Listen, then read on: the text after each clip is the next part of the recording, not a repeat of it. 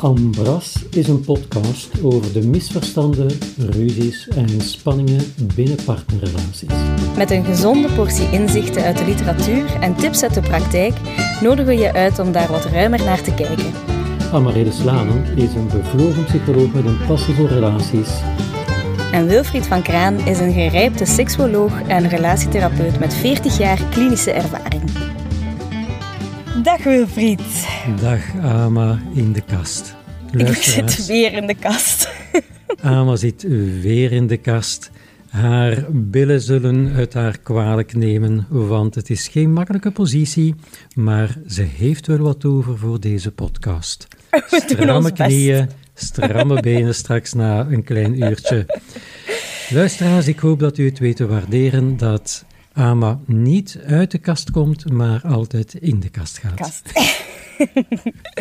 zeg, en Wilfried, vandaag gingen we het hebben over hoe omgaan met die crisissen Ja. eh, in een relatie. En jij had het eigenlijk de vorige keer ook eh, afgerond met een aantal dingen waar dat je aan dacht al. Hè? Zo alternatieve vormen, eh, hoe dat je daarmee Ja. kan omgaan. Zelfs over het taboe vreemd gaan had je ook al eh, Ja. iets laten vallen. Maar Vertel eens. Rond dat vreemdgaan, hè, dat zou ik graag willen houden voor een volgende aflevering. Want, luisteraar, ik kan het misschien nu al maar meteen verklappen. Dit is wellicht de laatste uitzending zoals wat we ze nu kennen. Maar in de toekomst gaan we daar een kleine variante op doen. Ehm, af en toe moeten we eens de tak afzagen waar dat we op zitten. En moeten we met een nieuwe scheut verder. En volgende keren gaan we beginnen met fragmenten uit de literatuur, eh, stukken die we gelezen hebben en die zo onthullend of illustrerend zijn voor toestanden die kunnen gebeuren in relaties. En ja, boeken kunnen soms zaken die al lang onzichtbaar zijn, plotseling zichtbaar maken. En daarvoor willen we graag die mooie fragmenten die we gelezen hebben met u delen en die dan als een aanleiding zien om verder de dingen te bespreken. Oké. Dus vreemdgaan, ehm ja, het is een van de manieren waarop dat mensen ehm, omgaan met de crisis, als die crisis te maken heeft met het feit dat de vlam uit de pan is. Hè. Mhm. Maar laat ons daar maar een volledige uitzending aan wijden, want dat is zo een complex en ja, ehm, moeilijk iets, omdat er drie mensen bij betrokken zijn. Het is ook zinvol om dat te bekijken vanuit die drie posities. De vreemdgaander, de persoon die ehm, zogezegd bedrogen wordt en de minnaar of de minnares, de derde persoon in het spel. Dus graag dat voor een volgende keer. Maar hoe dat je uit de crisis komt, Ama, jij moet dat weten, er zijn vele wegen naar Rome. Hè? Dat is waar. Luisteraar, Er zijn Ama is vele, vele opgegroeid wegen in naar Rome, Rome. dus zij kan het weten. Hè? Ehm, Ja, en nogthans, ik ben toch nog eh, altijd benieuwd naar andere wegen. ik denk dat er al een paar wegen zijn die helder zijn voor mij, maar eh, ik ben toch nog altijd benieuwd naar meer.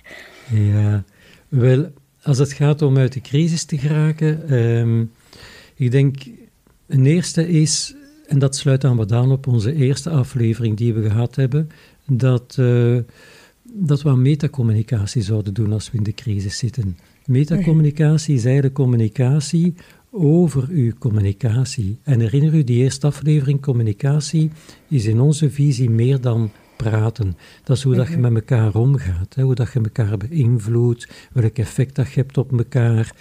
Dus wat dat betreft zou ik zeggen van, doe aan metacommunicatie in de zin van geef elkaar feedback. Hè. Ehm, Informeer elkaar dat eh, als de ander iets doet of zegt, dat dat jou iets doet. En dat jij soms dingen doet en dingen zegt waarvan je niet altijd een zicht hebt op wat het effect is bij de ander. En dat je de ander ook uitnodigt om daar iets over te vertellen. Ehm, En dat je zelf ook goed kijkt van, ja, welk effect heeft dat op mijn partner als ik dit doe of het net niet doe, of als ik dit zeg of het net niet zeg. Hè? Dus Ja. kijken naar het effect van uw goede bedoelingen vaak is ook een van die aandachtspunten. En om die fameuze visieuze cirkel, wat we het over gehad hebben, te doorbreken, vind ik een hele simpele vraag. Als je vindt dat een andere iets fout doet of ehm, eigenlijk een gedrag stelt dat je niet apprecieert of dat je als de oorzaak vindt van de ambras of de crisis, dat je je afvraagt, wat doe ik dat de ander zo doet? Met Mhm. andere woorden, dat in plaats van u te blijven focussen op het foute gedrag van de ander, dat je je afvraagt van, wat doe ik dat die ander zo doet? En uw eerste neiging zal zijn om te zeggen, niks. Tuurlijk, ik ben, ik ben toch perfect? Voilà, voilà. Ik doe niets mis. Ik neem Voilà. alle verantwoordelijkheid. Dat is het, dat is het. We stellen niet graag onszelf in vraag en we zien ons eigen aandeel absoluut ook niet zo. Maar mochten we Mhm. dezelfde vraag stellen aan de ander, hè, van wat doe ik fout, ja, dan krijg je dikwijls een hele waslijstje, want de ander die is ook gefocust op de ander, als zijnde de Mhm. oorzaak van al de ambras. hè. Iets Ja, wat dat doet me zo een beetje Ja. denken aan, ehm, aan ook de principes van verbindende communicatie daarover. Hè? Dus die metacommunicatie. Ja, dat je zo ehm, dat je het hebt. Zelfs, het gaat zelfs niet meer over de inhoud, maar het gaat over de manier waarop dat je met elkaar omgaat. En dat je heel concreet, zo heel simpele vier stappen, wat is het heel concrete gedrag waar dat je last van hebt, zonder dat je de Mhm. persoon dus ook echt aanvalt. Ja, ja. Ehm, dus bijvoorbeeld als iemand, stel bijvoorbeeld jouw partner, elke keer als je bij vrienden bent, onderbreekt hij je regelmatig. ja. Dus dan ga je inderdaad niet zeggen, "Hey, jij jij dominante... Ik wil hier schelden, dat ga ik hier Ja. niet doen. Le. Hè, le, le. Ehm, ja, in de plaats van dat je dat zegt en de persoon dus echt aanvalt, ehm, dat je gewoon zegt van kijk, je hebt nu daarnet op dat moment, op dat moment en op dat moment Ja. mij onderbroken terwijl ik dat aan het zeggen Mhm. was. Ja. Dus als het concrete gedrag benoemen, dat je dan ook aangeeft wat dat dan met jou doet, ehm, Mhm. ja, qua gevoel, wat dat, dat bij jou oproept. Is dat frustratie? Is dat gekwetstheid? Is dat verdriet? Mhm. Is dat wat het dan ook is? Maar dan, en dat vind ik nog de, de meest interessante laag, dan ga je ook vertellen welke behoefte dat daaronder ligt. Dus je hebt behoefte om gehoord te zijn, om geapprecieerd te worden, om gerespecteerd te worden in een gesprek. Je hebt behoefte aan, eh, ja, wat, eh, hoe kan ik dat zeggen?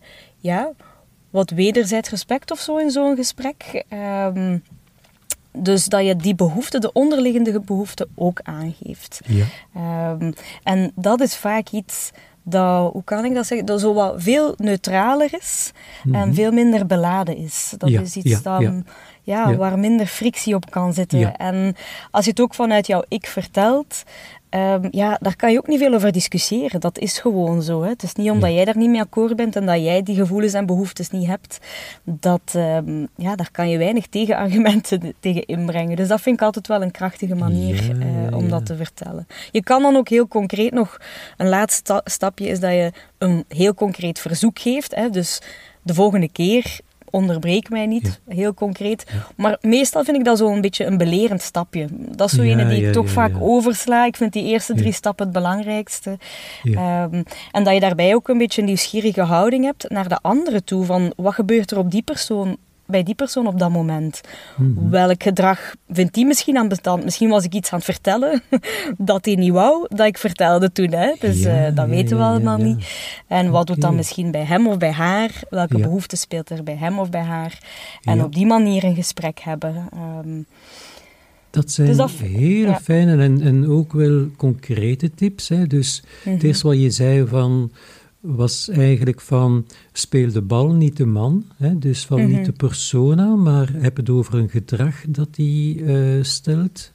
En het tweede dat je zei van, daar komt het toch op neer, formuleer het uitnodigend, niet als een aanval of als een verwijt.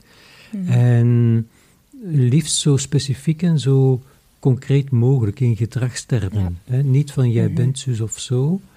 En dan dat onderliggende vond ik eigenlijk heel belangrijk. Naar welke onderliggende behoefte verwijst dat? Dat vind ik Mhm. een, een hele interessante aanvulling.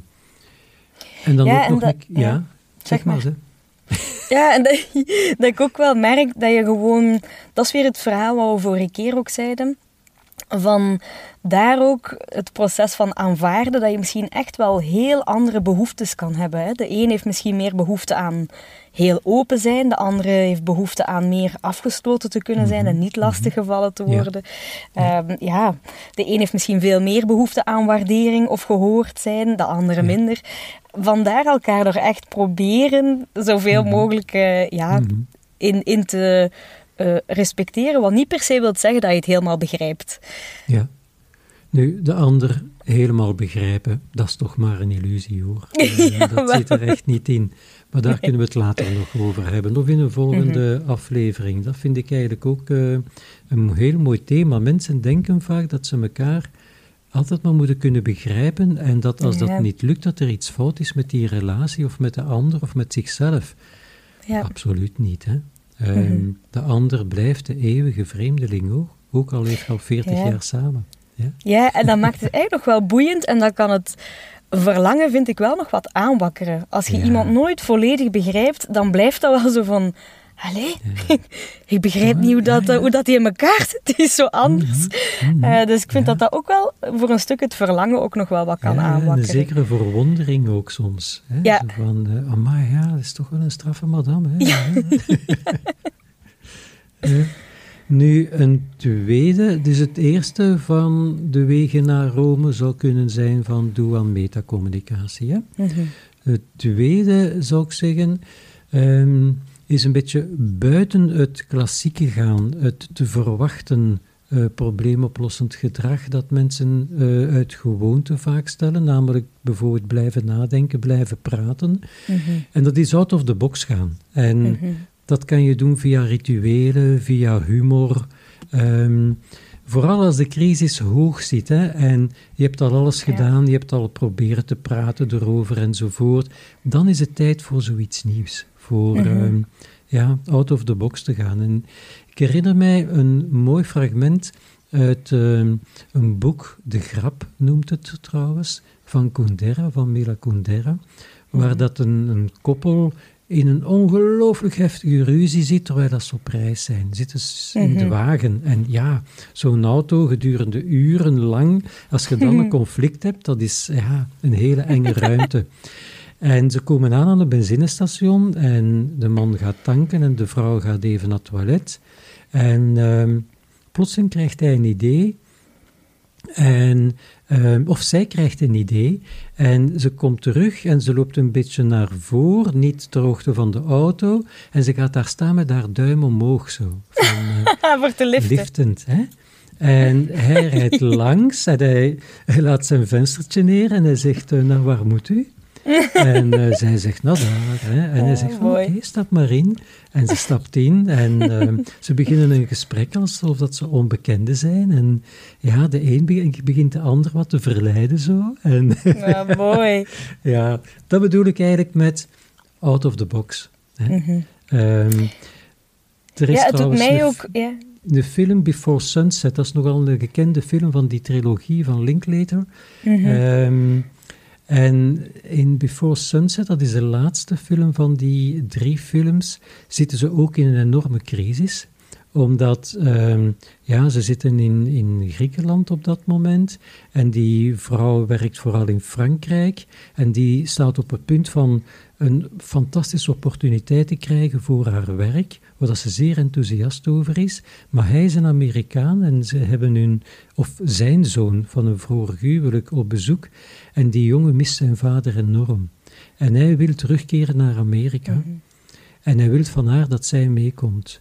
Maar zij weet als ik meega, goh, ehm, dan, dan word ik daar de, huisvrouw. Hè? Ik bedoel, ik ga mhm. dan nooit werk vinden dat mij echt aanstaat. Dus het is echt een, een padstelling waarin dat ze zitten. En ja, ze raken er niet uit. En op een bepaald moment gaat hij eventjes iets halen in de keuken. En hij komt terug en hij zegt van... Weet je, ik heb u nooit eerder gesproken over iets wat dat, ja, dat ik me eigenlijk met niemand deel. Dat is dat ik een geheim talent heb. Ik kan namelijk in de toekomst kijken. En hij zegt, ik heb dat er net even gedaan. We zijn even 40 jaar naar uh, de toekomst geweest, 40 jaar later. En ik heb daar met u een gesprek gehad als jij dan 85 bent. En ehm, ja, als 85-jarige zegde jij dat deze dag die we nu vandaag hebben de belangrijkste dag van uw leven was. En hij begint te vertellen waarom. En ehm, zij gaat daarin mee. Want zij weet ook dat dat ehm, eh, een soort van trap is die hij in de put gooit waarin dat ze beiden zitten. Mhm. En dat dat de manier wordt om uit die put te geraken. Meedoen in een spel waardoor dat je alle irritatie, alle rancune, alle boosheid enzovoort achter u laat. En mhm. eigenlijk, ja, vanaf nul begint op een heel andere manier. Ja, ja ik vind dat ook wel een, een heel mooie zo... Ja, het, even iets helemaal anders beleven in de plaats van nog mhm. eens uit te praten of nog eens ruzie te maken of nog eens uh, de Koude Oorlog verder te zetten. Van um, ja, samen iets te beleven of iets van vroeger dat jullie ooit heeft samengebracht. Bijvoorbeeld als je merkt mhm. van je hebt elkaar leren kennen op reis of um, op een feestje of waar het dan ook is of op een lezing. Um, het kan zo'n activiteit zijn, iets dat je merkt mhm. dat, dat jullie al lang niet meer samen hebben gedaan. Of echt gewoon iets, iets heel anders, um, dat je misschien samen nog nooit hebt gedaan. Een nieuw ritueel uitproberen uh, en, of rollenspelachtig uh, te doen. Uh, om, om ja, op een heel andere manier eventjes ja, samen iets te beleven, zonder dat dat weer zo beladen moet worden met het thema. En daar gaat het om. En je zegt het hele juist samen beleven. Het gaat om de beleving, niet meer mhm. om de reflectie, de analyse, het proberen te begrijpen, de ander te overtuigen. Nee, daaruit stappen. En de beleving centraal stellen. Ja, liefst een gezamenlijke beleving. Wat dat ook mogen zijn. Hè. Uh, dat kan ook soms heel klein zijn. Hè. Samen beginnen stappen of uh, samen even op reis gaan of uh, samen naar de sauna gaan. Of, zo. Ja, maar hoe ingrijpender, hoe beter. De beleving bedoel ik. Hè? Als je samen ehm, eh, een berg gaat beklimmen bijvoorbeeld, of op een klimmuur gaat, dan heeft dat meer impact dan wanneer dat je eventjes langs het jaagpad aan de Schelde een wandelingsje maakt van een half uur. Hè? Ja, dus ja, ja, ja, Hoe intenser de beleving, hoe beter eigenlijk. Beter, ja. Ja, ik merkte ook bij ons was dat ook zo'n moment als we ineens gingen wij samen zo naar theater of naar stand-up comedians kijken hier, hier in, in mhm. Gent en in Antwerpen. En dat was, of ook zo een keer gewoon naar een andere stad gaan, daar op hotel blijven slapen. Dat is zo even uit uw context. Ehm, en uit uw gewoontegedrag om de dingen proberen op te lossen. Een gewoontegedrag dat we tot in de treuren herhalen. En dat is zoals harder gas geven als je in de modder zit met je wagen. Hè. Je zakt Ja. ja. Mooi. Nu, als we even nog verder gaan, uh, als zo'n crisis blijft duren, hè, dan zijn er mhm. soms, soms een paar klassieke redenen voor.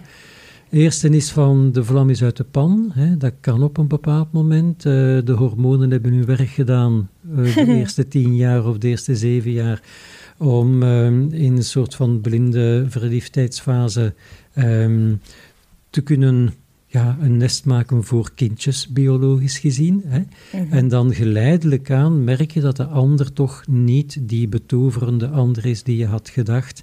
En mhm. dan kan het dat de vlam wat uit de pan gaat.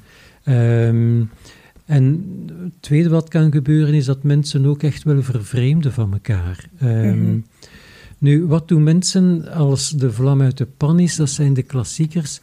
Sommige mensen gaan scheiden, echt. Uh, zeggen mhm. van ja, de, passie is eruit, is gedaan, het is over. Uh, it's all over now. Hè. En dan moet men scheiden.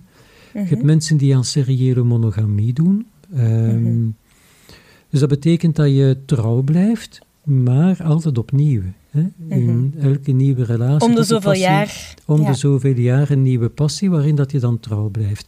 Terwijl dat vreemdgaan, wat we het daar straks over hadden, dat is dan anders. Je blijft in je hoofdrelatie, maar je gaat de passie buiten huis zoeken. Hè? Mhm. En dan heb je ook mensen die ehm, andere vormen gaan uh, zoeken om op die manier een relatie wat te vernieuwen.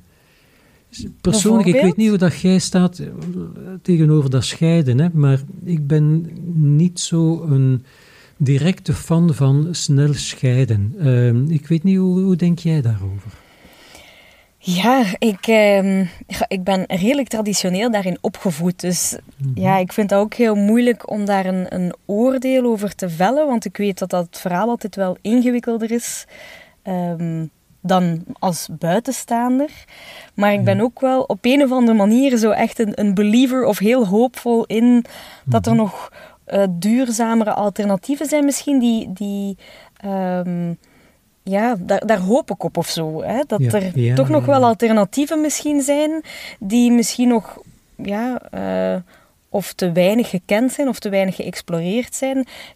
In sommige gevallen zullen er ook natuurlijk grenzen zijn, maar ik vind het ook wel moeilijk om, dat, ja, om daar zo op te antwoorden. Ja, van je zet dat voor of je zet dat tegen, daar gaat het niet om. daar hè. gaat het niet Eh, om, nee. Het is een volwaardige keuze op een bepaald moment als ehm, ja, het samenleven echt niet meer aangenaam is. En Ja. zeker wanneer het destructief wordt, dan lijkt me dat echt wel een optie.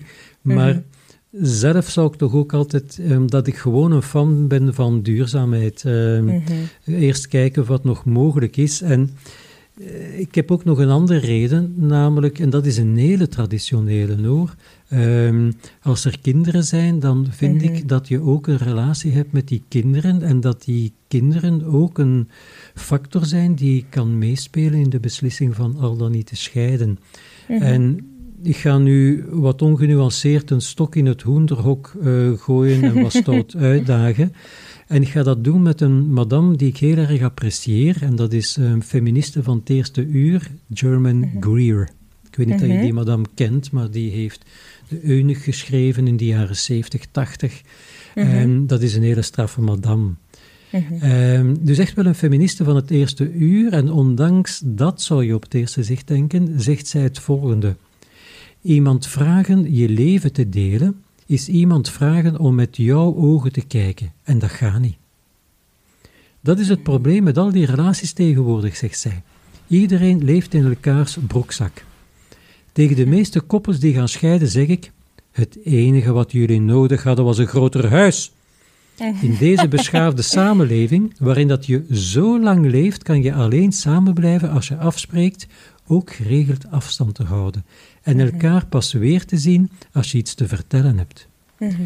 En zij voegt eraan toe, die straffe madame, ik denk dat we het huwelijk ook helemaal anders moeten gaan benaderen. Het huwelijk moet een overeenkomst zijn om samen kinderen op te voeden.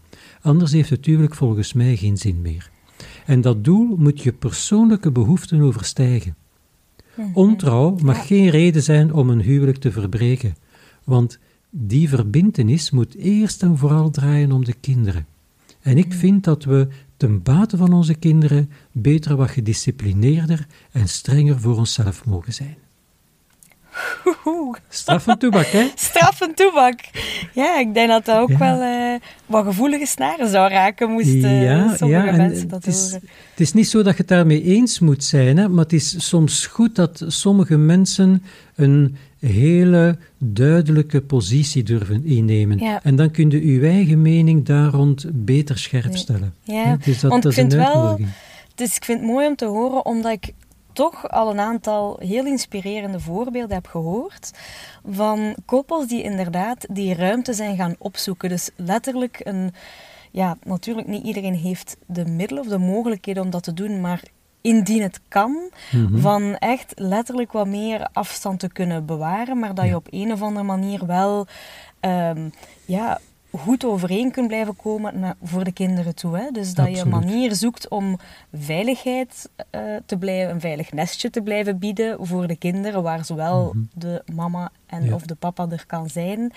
Ja. Ehm, wat niet wil zeggen dat je onderling als koppel nog wel een aantal issues hebt die, ja, die er Mhm. mogen zijn, die moeten uitgeklaagd worden, waar dat Ja. je aan werkt.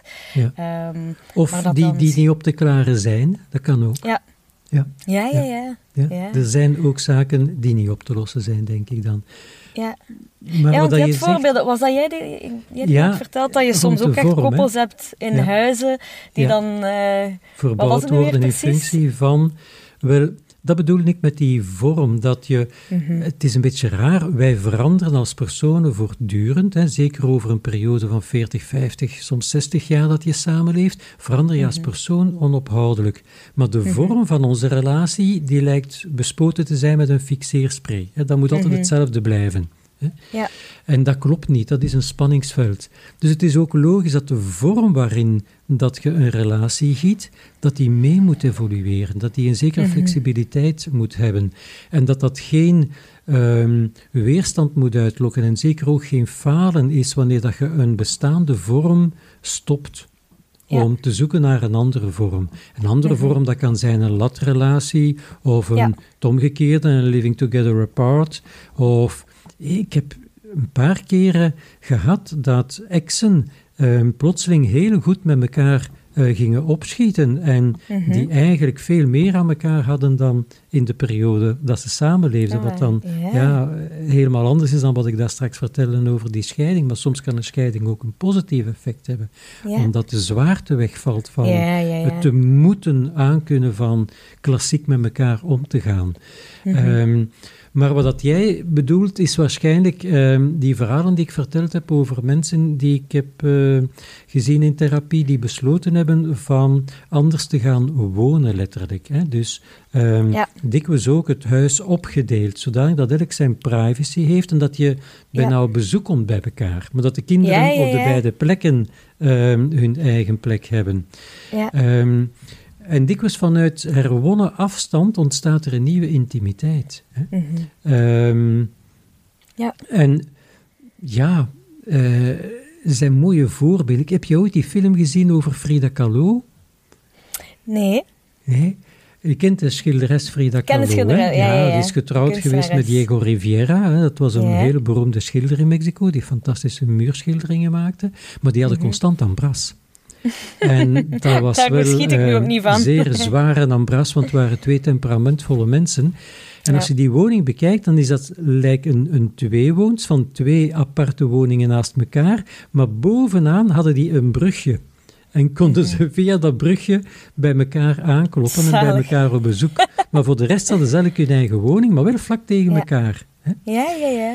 En ik herinner mij ehm, Nederlandse schrijvers zoals Marcel Morien. Dat was een van mijn lievelingsschrijvers, was omdat hij overleden is.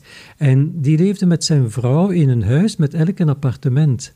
Ja. En in Ja, een recent interview over Remco Kampert, eh, Remco Kampert, zijn vrouw eh, was het die het interview gaf, zeiden zij dat zij ook zo leefden. En dat zij ehm, op een bepaald moment elkaar riepen om dan samen Scrabble te gaan spelen. Fantastisch. En dan weer elk naar zijn eigen locatie, hè, bij wijze Ja. van spreken, zijn eigen plek, zijn eigen vluchtheuvel. Ehm, dat is natuurlijk, dat moet kunnen materieel en dat moet ook Ja. kunnen financieel. Maar Mhm. het is maar om te zeggen van, als je manieren kunt vinden om qua vorm een beetje afstand te creëren, Mhm. dan verandert er dikwijls heel veel. En wij De houden zo uit gewoonte vast van, ja, maar dat, dat moet toch dat klassiek patroon zijn van in datzelfde huis, in diezelfde ruimtes, op diezelfde bank te zitten enzovoort. Nee, Ja. dus, hè. Nee. Ja. Ja, doe me ook zo wat denken aan Esther Perel, haar verhaal. Van, dat is ook een manier om dat verlangen ook weer aan te wakkeren. Hè? Dus zij pleit ook voor, in de plaats Mhm. van eh, te krampachtig of te snel te reageren op Ja. een crisis rond eh, uit elkaar groeien of ehm, de vlam die uit eh, de pan Mhm. is. Mhm. Ehm, van dat je toch gewoon regelmatig wat herbalanceert. Enerzijds op samen dingen beleven natuurlijk, want anders groei je ook effectief uit elkaar. Ja, ja. Maar anderzijds ook het verlangen net terug aan te wakkeren door letterlijk en figuurlijk meer afstand te nemen. Ehm, zoals je nu met die voorbeelden vertelt, dat gaat ook Mhm. eigenlijk over een stuk van eh, ja, letterlijk wat afstand te nemen. Hè? Mhm, mhm, Ja, en uiteindelijk kan je dat ook doen door, oh, hoe moet ik dat gaan zeggen, te spreiden in uw ehm, verwachtingen wat betreft het invullen van wat de relatie moet zijn. Mhm. hè. Je hebt Ja. ook mensen die de moed kennen om buiten de lijntjes te kleuren door niet aan samenleven te doen, ook niet aan samenwonen, maar aan samenkomen. Ja, En dat vind ik wel een, een mooi idee van kom samen met verschillende mensen. Er- Een, Mhm. een relationeel leven, elk van ons heeft een relationeel leven. Dat is gelijk als een dorp met veel mensen. Hè? Mhm. En ehm, je zelfwaardering, je, je aantrekking, je intellectuele honger, je lichamelijk leven, je behoefte aan acties, aan contact, dat, dat kun je toch niet allemaal delen met één en dezelfde persoon. Dat, dat, Mhm. Dat vraagt om spreiden met verschillende mensen. Hè? Eh, Ja. Met de Erik kunt je intiem praten over wat u bezighoudt in dit leven. Met de Wim ga je Mhm. graag naar de film. Mhm. John is een ideale reiscompagnon. Bij Annie kan je terecht met je bezonjes. Bij Charlie heb je die eerlijke gevoelens van verliefdheid zonder dat je er iets mee moet doen. Ja, ja, ja. En ja, zo... Ja, de- want ik vind dat eigenlijk ook wel mooi om te horen toen we denken aan ouders van een vriend van mij van vroeger. En ik weet nog dat ik dat vroeger ook absoluut niet begreep. Dus die ouders die, die waren samen, woonden in hetzelfde Mhm. huis. Maar die moeder die had een reisgenoot. Hè? Dus de vader was Mhm. absolu een absolute huismus. Die, ging al, die Mhm. bleef altijd thuis. Ja. Zij wou de, de wereld zien. Ja, ze vonden elkaar daar echt niet in. En die zijn niet in een kramp geschoten. Dat is echt gewoon een heel duidelijke overeenkomst. Van, zij had dan een reisgenoot, doordat ze regelmatig Ja. ja. mee op reis ging. Enkele weken of maanden. En ik snapte dat maar niet. Als, met al de, de Disney-verhalen en eh, de, het romantisch plaatje dat je meekreeg. dacht ik van, allee, hoe, hoe vreemd is dat? Maar eigenlijk is dat jammer dat zo'n voorbeelden ook niet in de boekjes of in de media of in de literatuur Ja. van kinds af aan wat kunnen meegegeven worden. Hè? Dat, Absoluut. zo, zolang natuurlijk het niet destructief wordt thuis. Hè? Ik weet Ja, ook wel dat er, dat er grenzen zijn, maar.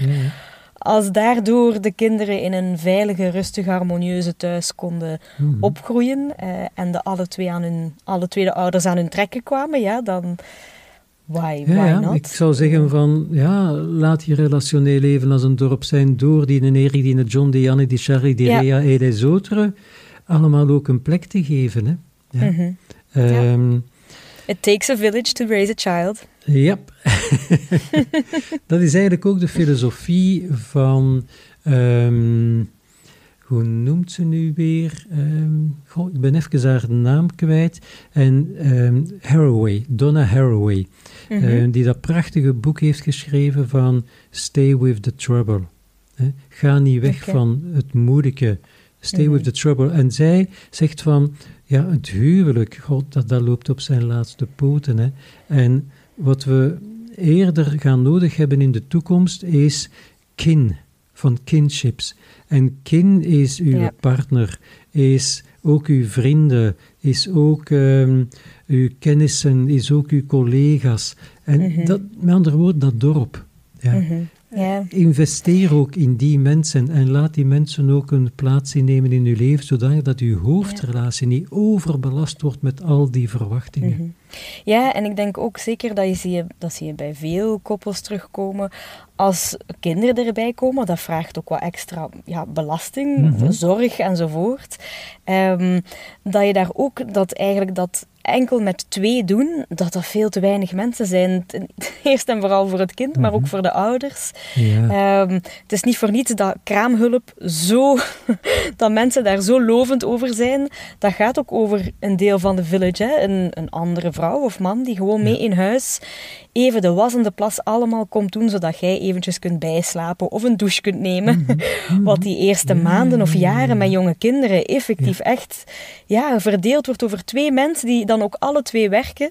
Ehm, ja, dus de- ik Ja. denk ook op dat vlak qua Ja. dat we het niet allemaal zo alleen moeten doen. Eh, Tuurlijk, tuurlijk.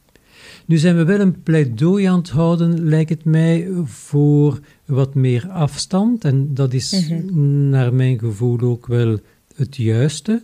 Maar het mag ook niet doorslaan in de andere richting. Ja. En in de andere richting zou dan betekenen, dat was de tweede factor die je vaak ziet, dat mensen echt van elkaar vervreemden. mhm. Dat, eh, Ja. dat men samen bij elkaar blijft, omdat het alternatief ook niet aantrekkelijk is, maar dat is eerder vanuit een negatieve motivatie dan vanuit een positieve. En dat men nog weinig deelt met elkaar. Ehm, en dat men ook niet meer goed weet wat men nu betekent voor de ander. En dat die vervreemding toeslaat. Hè. En hoe kan je daarmee omgaan? ja, we- weet je wat ik veel aan gehad heb? Ik heb zo een jaar of zeven ehm retretes gevolgd bij Thich Nhat Hanh. Dat is Mhm. spirituele grondlegger van Ja. mindfulness. Hè? Mhm. En ja, dat is een monnik. Maar ehm, die wist ook wel echt zinvolle dingen te vertellen over relaties. En hij zegt van... Hij toonde dat aan via vier mantra's. En ik heb die in mijn laatste boek eh, uitgebreid beschreven. Mhm. En ik ga ze even vermelden, maar ik ga ze niet verder ehm, uitleggen, want het is misschien iets te veel dan. Maar die eerste mantra is dat je aan je partner zegt, en nu ga ik het letterlijk zeggen, maar je moet het niet zo letterlijk overnemen, het is meer een houding dan het zeggen. Mhm. Liefste, ik ben er voor jou. Mhm. Ja. En wat dat daar gewoon belangrijk is, is er zijn voor de ander. Er Mhm. gewoon zijn. Ik bedoel daarmee niet lichamelijk, hè? Want dikwijls zijn we er wel lichamelijk, maar Mhm. zijn, we er niet, zijn we niet echt aanwezig, omdat we geen echte aandacht hebben. We zitten achter onze laptop de ganse avond, Mhm. mea culpa voor mezelf ook hoor. Ehm, we zijn niet echt beschikbaar, ehm, terwijl er echt met aandacht zijn, ook al is dat maar af en toe. Dat is ontzettend belangrijk volgens Stichting En hoe, hoe zie je dat dan, concreet, er met aandacht zijn? Hoe uitzicht dat? Bijvoorbeeld door te vragen hoe gaat het met jou? En dan echt te Mhm. luisteren. Mhm. Ja. Ja. Zo'n simpele dingen. Of eh, er te zijn omdat je ziet dat de ander iets nodig heeft. Mhm. Ehm, of door haar eh, fietsbanden te gaan oppompen. Eh, Ja. Weet ik veel. En dat is ook inderdaad zo, er zijn op de manier waarop dat je wel ongeveer weet of inschat dat de andere ook graag heeft dat je er bent. Hè? Want voor sommigen, eh, ik, ik merk dat aan mezelf, dat ik er dan probeer te zijn, maar dat dan net niet hetgene is wat Nee. hij dan nodig heeft, maar Ja. wat dat ik dan zou denken dat ik zou Dat- nodig ja, hebben op zo'n moment. Eh, Daar is dan weer de uitnodiging van kijk goed naar het effect van uw goede bedoelingen. Dan zitten we weer bij die communicatieregel, hè, van kijk naar het effect. Hè. Want Wat is de tweede we- mantra? De tweede mantra is, liefste, ik weet dat je er zijt en ik ben echt gelukkig dat je er zijt. Mhm. Dat is eigenlijk de ander duidelijk maken dat ehm, het feit dat hij er is, iets betekent voor u. Mhm. Want dikwijls hebben mensen zoiets van, als ze al een tijdje samenwonen, van, goh, of dat ik er nu ben of niet. Doet er niet toe. Ja, Ja. doet er niet, niet zoveel mee toe, blijkbaar. Hè? Maar eigenlijk gaat je hier zeggen van, je bent nog altijd, en misschien meer dan ooit, een verrijking in mijn leven. Mhm. En de derde mantra is, liefste, ik weet dat je het moeilijk hebt en ik ben er voor u. Dat is aandachtig zijn voor de signalen die de ander geeft, zonder dat het een appel op u is, maar Mhm. dat je ziet aan de ander van, verdomme, die heeft het lastig. Oké. En dat je dan zoiets zegt van, wat kan ik voor u doen? Mhm. En de vierde is de moeilijkste. Dat is zeggen van, liefste, ik heb het moeilijk. Alsjeblieft, help mij. Dat is een hele moeilijke, moeilijk, zeker ja. als we het zo zien dat de ander, die liefste wat je het over hebt, in uw ogen de oorzaak is van het feit dat je het moeilijk hebt. Ja. Ja. En dat vind je dikwijls moeilijk eh, om uit te drukken, hè? Dat, ehm, dat je je gekwetst voelt door het gedrag van de ander, in de zin van ehm, dat je de ander niet wilt tonen hoeveel invloed dat die heeft op jou. Hè? En dat als de ander dan zegt van, allee, is er iets? Maar wat nu? Wat zou er Ja, nu zijn? ja. Maar wat nu? Er is geen niks. Waarom zou ik boos of verdrietig zijn? Hè? Maar wat nu? Ben, nee, ben ik dat niet? dat is de trots die in de weg staat en die je moet overwinnen. En eigenlijk, eh, dikwijls reageren we als de ander dan een stap naar ons doet van, zeg, ik heb u niet nodig, hè. Ik kan het, eh, kan het alleen wel aan, zeg. ik heb u echt niet nodig. Hè. Mhm. En zo straffen we de ander, maar graven we Ja. de kuilen voor ons eigen. Hè. Ja, want eigenlijk willen we net heel hard dat die er zijn voor u op dat moment. En moedig zijn is dan een stap naar die ander kunnen zetten door te zeggen wat er in u omgaat. En als je dat niet gezegd krijgt, die een mailtje of een sms'je of een whatsappje te sturen in die richting, maar het toch te delen. ja. Nu, ja, ik merk ook wel iets wat krachtig is. Want soms zo dingen schrijven kan werken. ja, Ehm, maar soms stuur je dan dingen of je krijgt geen antwoord, terwijl het dan, ja, dan maakt het het nog erger. mhm. Wat ik wel een mooi eh, ritueel daarin vind, wat ik merk dat bij veel mensen kan helpen, is een brief schrijven en ze voorlezen. ah, Eh, ja. dat, dat vraagt wel veel moed. Dat vraagt om, zeer veel zeer moed, veel moed, ik. Oh, ja. ja, en Maar, Ja, maar, maar- nieuwjaar. Een nieuwjaarsbrief Ja. schrijven, dat is een van de opdrachten dat ik in relatietherapie gaf. Ook al was het juni of ook al was het oktober, een nieuwjaarsbrief schrijven aan elkaar. Ja, ja, ja. Zo heel officieel, hè, van mijn liefste partner, bij deze heugelijke dag. Ja, ja, ja. Ja. een Divias-brief als op school vroeger. Heerlijk, toch? Heerlijk. Ja. Ja. Ehm, ja. Dus dat vind ja. ik ook wel een hele krachtige. Het vraagt heel waar. veel moed, maar het is wel heel Ja. krachtig. En je, tegelijkertijd, je hebt het kunnen schrijven. Dus ook, want da- daar ben ik ook zelf benieuwd naar hoe dat jij daar tegenover staat.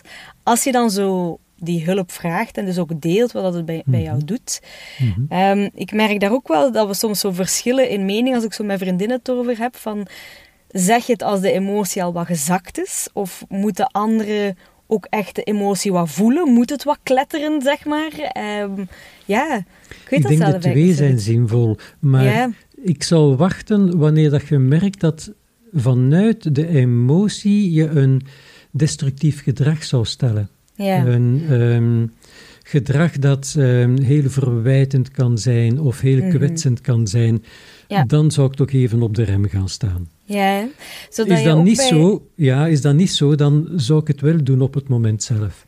Ja, Omdat de ander Ja. dan wel snapt dat het echt wel dat echt is. wel. Ja, ja, ja, wat feit Ja, dus er zit waarde in Ja. beiden. Hè? Maar inderdaad, eerst bij jezelf toch ook wat patronen herkennen van, ah ja, nee. Nu, allee, bij jezelf al gewoon herkennen, hè? De, de, ja, de emotie die dan speelt. ja, ja, ja, ja, ja, ja. En nu ook een beetje kunnen voorstellen van als ik nu alle sluizen openzet, wat voor effect kan Wat dat gaat er hebben? hè? gebeuren? Ja, ja, Ja. ja. ja.